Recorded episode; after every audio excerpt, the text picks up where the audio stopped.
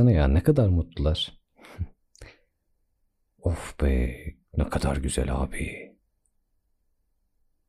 Allah'ım yakışıklılıktan öldürecek. Hayatın tadını çıkarmasını biliyorlar vallahi.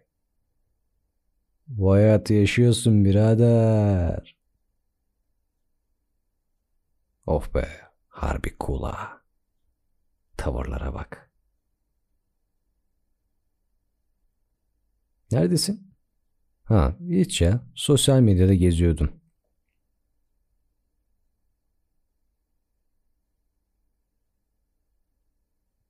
Evet. Sosyal medyada geziyordu. Ve neyi gördü? Bir insanın kendini kavrayışına yeni bir boyut getiren ve kendi kavrayışından önemli boyutlar götüren narsistlik benlik algısını. Eski tarihlerden beri var olan bir şey vardı. Söz, iletişimin en temel yapı taşıydı. Ve aynı şekilde düşüncelerin dile getirilme biçimidir. Ve her şeyden öte sizin kendinizi ifade edebilme biçiminizdir. Önceden şöyle bir şey vardı. Söz senettir.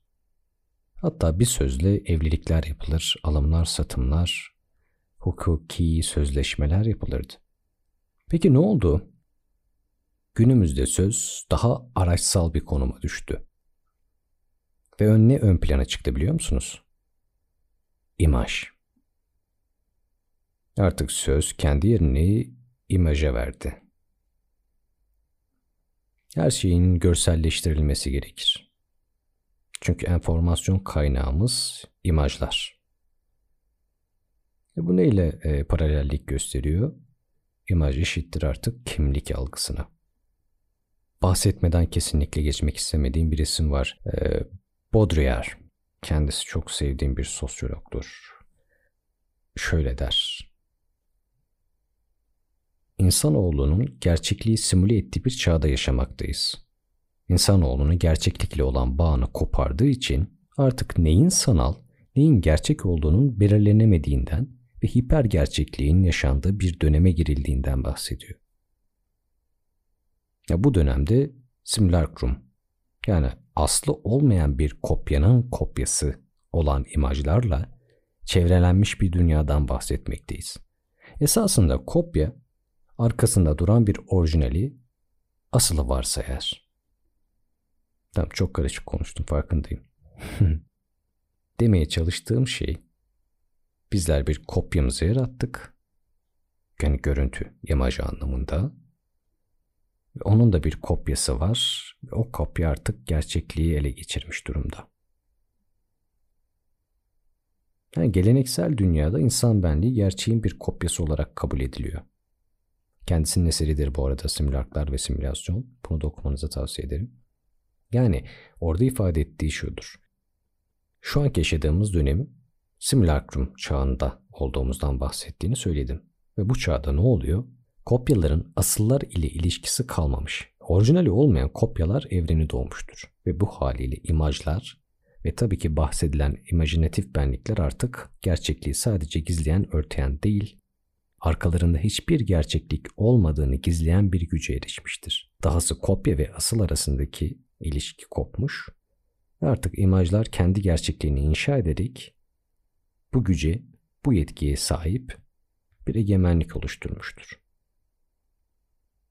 Artık bedenler ve hayatlar kendini nerede ifade edecek? Sosyal medyada ya da diğer medya araçlarında. Yani e, simülasyonun var olabileceği herhangi bir alanda kendini ifade etmek için yer arayacak. Ve bunlar da tamamen kendi karşısında artık bir hayat tarzı oluşturacak. Bir imaj, hani imajinatifleşmek. Bu kopya benlikler çeşitli davranışları, tüketim alışkanlıkları, ziyaretler, geziler, eğlenceler ya da artık aklınıza ne gelebilirse. Bunların hepsini kendini ifade etme biçimi olarak orada farklı bir imaj altında sunuyor. Sadece kendine dayanan, güvenen, kendini seven, sadece kendi olduğu için değerli ve her şeye hakkı olan, üstelik üstüne üstelik kişisel tercihlerinin sorgulanması mümkün olmayan narsist bir benlik ortaya çıkarıyor. Şimdi bunun üzerine size harika bir mitolojik hikaye anlatacağım. Hazır mısınız? Narsius'un aynası. Narkisos, ırmak ilahı Kepisos ile arındırıcı suların bekçi perisi Liriope'nin oğlu olarak doğar. Fakat bir gün bir kahin ebeveynlerine der ki, Narkisos dünyada ancak kendi yüzünü görmediği sürece uzun yaşayabilir derler. Narkisos doğdu, büyüdü ve birçok kızın ve perinin aşık olduğu bir genç oldu. Çünkü genç bir delikanlı olduğunda tüm genç kızları ve perileri kendisine aşık edebilecek bir görüntüye sahipti. Fakat kendisi onları hiç umursamıyordu. Günün birinde Narkisos bir ava çıktığı sırada bir peri olan, çok güzel bir peri olan Eko onu görüyor ve aşık oluyor. Tabii yine Narkisos onun aşkını da karşılıksız bırakıyor. Eko da bundan dolayı üzüntüden zayıflıyor ve inleyen bir ses olarak kalıyor. Daha sonra Narkissus'un aşklarına karşılık vermediği kızlar ve periler toplanıp Kızlar Birliği yeah! Eko'nun da halini görünce tanrılardan ölçülerini almasını istiyorlar. Tabii tanrılar da yanlış hatırlamıyorsam Nemesis'ten isteniyordu özellikle. Tanrılar da kabul ediyorlar bu dileği tabii ki. Ve günün birinde Narkissus bir av sonrasında su içmek için bir ırmak kenarına geliyor. Ve su içmek için eğildiğinde ne oluyor? Kendi yansımasını görüyor.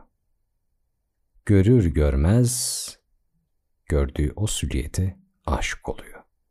Ve baka kalıyor suya öylece. Sonra bağırmaya başlıyor kavuşmak istediği sevgilisine.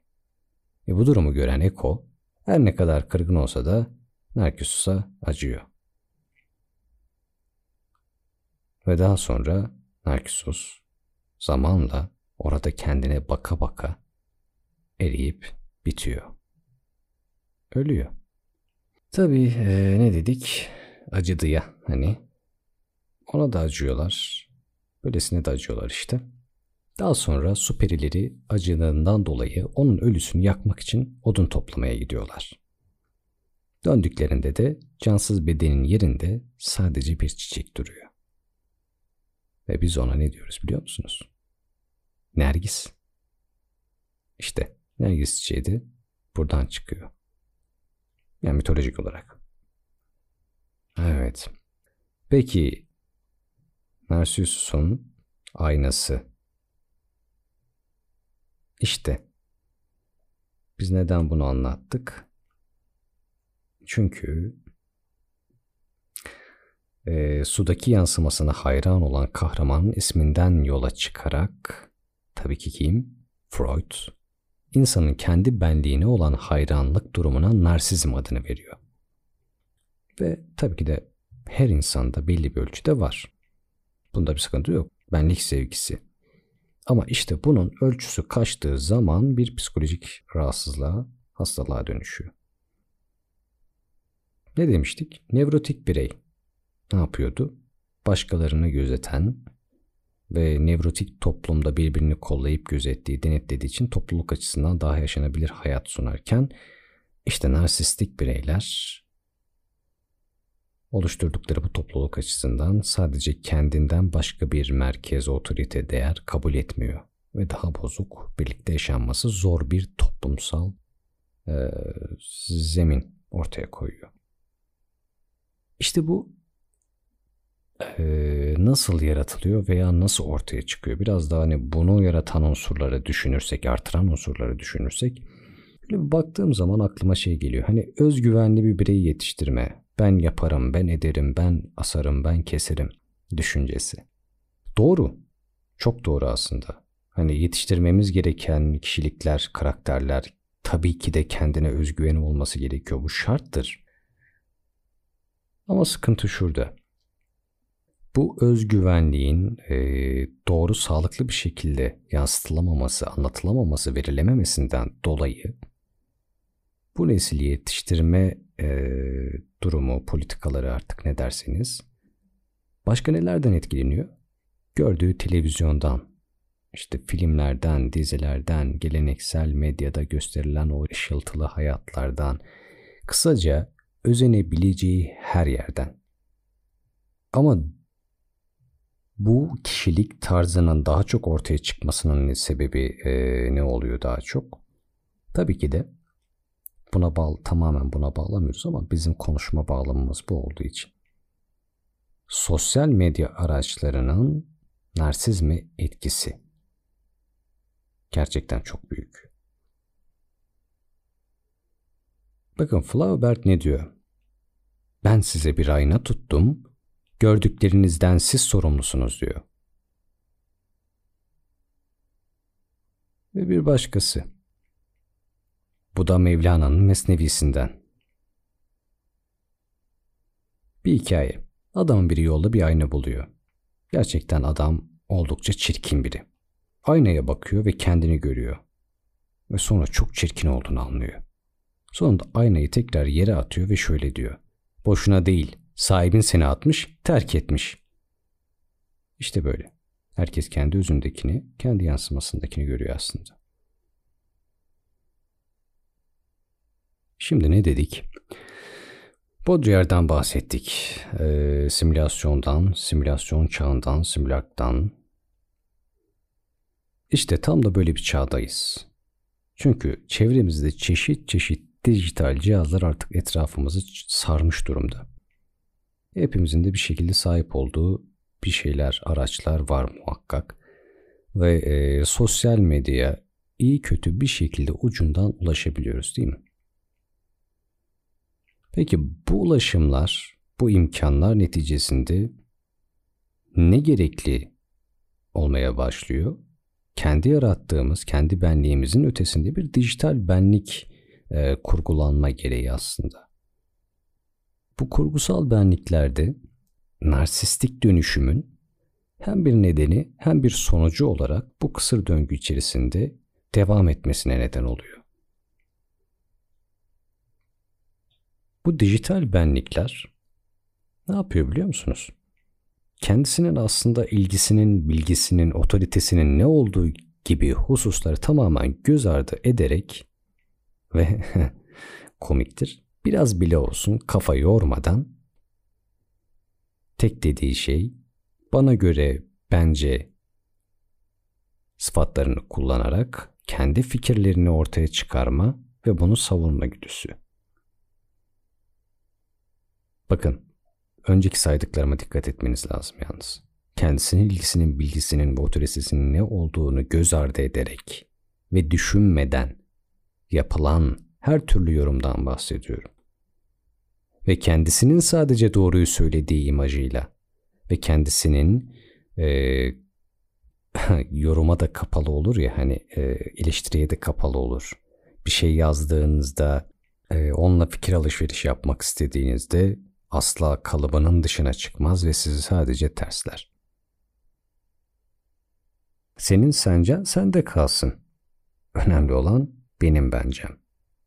Ve yediği içtiği gezdiği yerlerde e, parantez içinde herkesi ilgilendiren bu konuların yanında tabii ki de ne yapıyor? Sosyal konulara da e, dikkat ederek hani toplumsal görevi yerine getirme babında kendisiyle alakası olsun olmasın meselenin e, fikri sadece kopyalı yapıştırlarla ve sadece görüntü ve reklam amacı kendi imajının kaybına uğramaması düşüncesiyle ortaya çıkan hassasiyet, yorum, görüşünü paylaşmadan da edemiyor. Bakın burada altını çiziyorum. Hassasiyeti sadece kurgusal olarak yansıtanlardan bahsediyorum sadece reklam amaçlı yapanlardan yani onu gerçekten hisseden insanlardan bahsetmiyorum. Ve üstüne üstlük bunu gerçekten hissetmeden, gerçekten hassasiyet duymadan yapılan bu paylaşımların ardı arkasında bir fikir bile yok. Aa bu böyle demiş ya da şöyle demiş. Aa bu öyle olmuş o zaman destekleyelim. O zaman bir şey paylaşayım. O zaman bunun hakkında yorum yapayım. O zaman şöyle diyeyim böyle diyeyim. Niye? Çünkü sosyal medyadaki narsistik kişilik böyle yapmasını söylüyor. Diyor ki bunu yapmak zorundasın. Herkes seni görsün. Herkes seni duysun. Ne kadar hassas, ne kadar işte e, bu duruma dikkat ettiğini, işte yediğini, içtiğini, of gezdiğin yerleri, işte bunlar hakkında neler yapıyorsun, neler biliyorsun, insanlar bilmek zorunda, bilmeli. Narsistik, dijital benlik. Çünkü e, sanki ortada biraz, biraz değil hatta, ortada bir gaslight ikisi varmış. Herkes onları sürekli izliyor, dinliyor yani.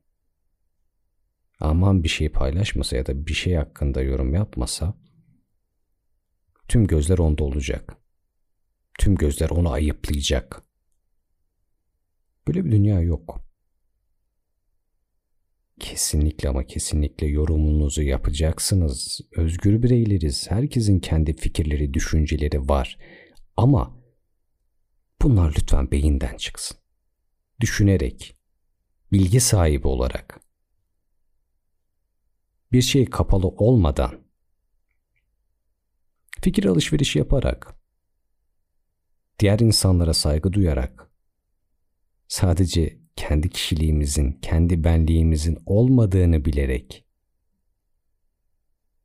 diğer fikirlere saygı duyarak, kendi bencelerimizi tamamen bir kalıba sığdırmadan, aktararak, bu şekilde bir paylaşımla, bu şekilde bir yaklaşımla, orası artık narsist dijital benliklerin hüküm sürdüğü bir simülark dünyası olmaktan çıkar ve gerçekten bizlerin bir şeyler paylaşabildiği, bizlerin bir şeyleri ifade edebildiği, rahat olduğu, özgür olduğu bir ortam olarak kendini ortaya çıkarır. Kendini ortaya koyar. Ama benim gördüğüm tek şey şu. Bu dijital kopya benlikler toplumunda ergenlik çünkü hani dedik ya bu doğdu belli bir aşamaya geldi ama ergenlik hiç bitmedi burada. Olgunlaşamadı bir türlü. Ergen olarak kaldı. Niye mi? Herkes birbirine atarlar giderler yapar. Bu bitmeyen bir ergenliğin göstergesidir hiç kimse kusura bakmasın. Ve bu maalesef kendi toplumumuzu, hepimizi şu an saran bir şey. Herkesin her konuda bir fikri var. Herkes her konuda bir şeyi paylaşabilme etkisine sahip. Bilgili. O yalayıp yutmuş sanki. Ama birazcık irdeledemeye kalktığın zaman ya sana ne? Bakın bu sana ne ifadesine de çok e, ayar olmaya başladım. Sana ne? Herkesin hayatı. Kimse karışamaz. Sana ne? Doğru bana ne?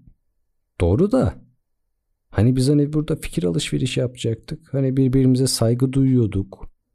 E ben hani senin hakkında bir şey soruyorsam, yorum yapıyorsam ki asla sınırları aşmadan yapıyorsam hani bunu belirli bir e, saygı çerçevesinde yaklaşıyorsam ki aynı şeyi senden de görmek isterim değil mi? Ama yo. Ne dedik? Herkesin fikri var. Ama iş zikre geldiği zaman haydi ya Allah kaç. Sen karışamazsın, sen edemezsin. Yok öyle bir dünya. Ben karışırım. Ben niye karışmayayım? Sen karışıyorsun da ben niye karışmayayım?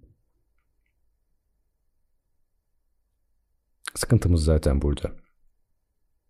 Biz aşırı konuşmayı seven bir milletiz. Aşırı konuşmayı seven bir toplumuz. Açık ve net. Ama iş gerçekten e, icraata geldiği zaman bir şeyleri yerinde anlamlı bir fikirler bütünü olarak sunmaya, bilgi almaya, bilgi vermeye geldiği zaman fos. İş konuşmaya geldiği zaman mangalda kül bırakmayız işte. Ya bir şey daha var. Mesela bu narsistik kişilerin bir diğer şeyi de dışarıdan hani böyle onay alarak abartılı derecede başkalarının gözünde işte e, kendisiyle ilgili olacak her şeyin gözüne sokulmasını ister. Çünkü neden? Dijital benliğin en hayati varlık sahası orası olacak. Yani kendisi orada yaşıyor ya. En kötü tarafı sadece başkaları görsün diye yaratılmış olan bir yerden bahsediyoruz. Sadece like'lara bağlı olarak yaşıyoruz arkadaşlar. Şu kadar beğeni, şu kadar izlenme. Ama sadece bir şeyi paylaşmak için paylaşmıyoruz. İşte sizler bu tarz şeyleri sorgulamaya ya da şey yapmaya başladığınız zaman o tarz insanlarda bir kırılganlık oluşuyor. Ve asla sizi sorgulamanıza izin vermiyor. Ve tamamen sizle olan bağlarını kesmeye ya da sizi küçük düşürmeye çalışıyor. Ama biz e, neyiz? Biz tüketim kültürü içerisinde e, bunu iliklerine kadar yaşamaya devam eden bir toplumuz değil mi? Tüketim. Bu da ayrı bir şeyin konusu da. Artık insanın hakikatle olan ilişkisi tüketilmekte ve bu da bu kadar basit, sığ, temeli olmayan gerçeklikler üzerinden yapılmaktı. insan eliyle yaratılmış olan bir şeyden bahsediyoruz. Ne? Sosyal medya. Yine insan eliyle yaratılmış bir şey kendi ellerimizle hayatımızı oluşturuyor. Kendi ellerimizle kendimizi hapsediyoruz. Orada yaşamaya başlıyoruz. Oradan gelecek bir tebriğe, oradan gelecek bir e, beğenmeye, oradan gelecek olan her türlü desteğe, yakışıklı, güzel, o cool sıfatlarına açız. Geri dönüp baktığınız zaman gerçek hayatta iletişim kurmayı artık unutur hale geldik çünkü. Dedik ya söz.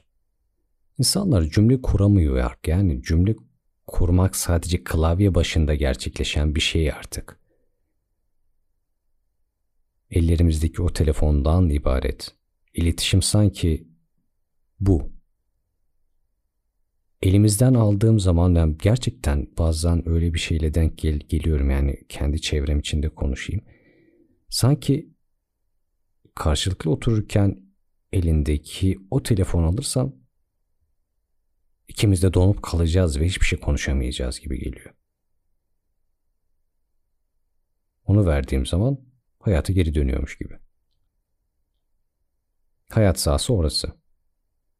İletişim ağı orası.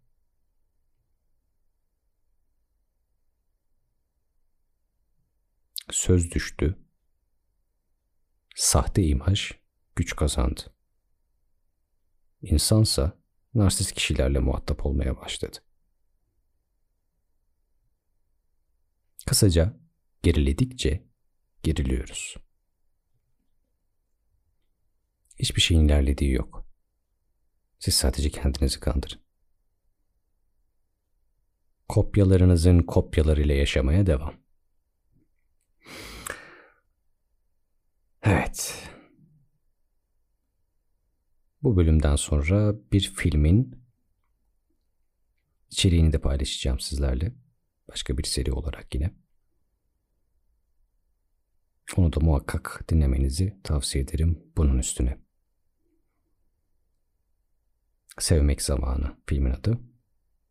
Çok bağlantılı olacağını da anlayacaksınız. O zaman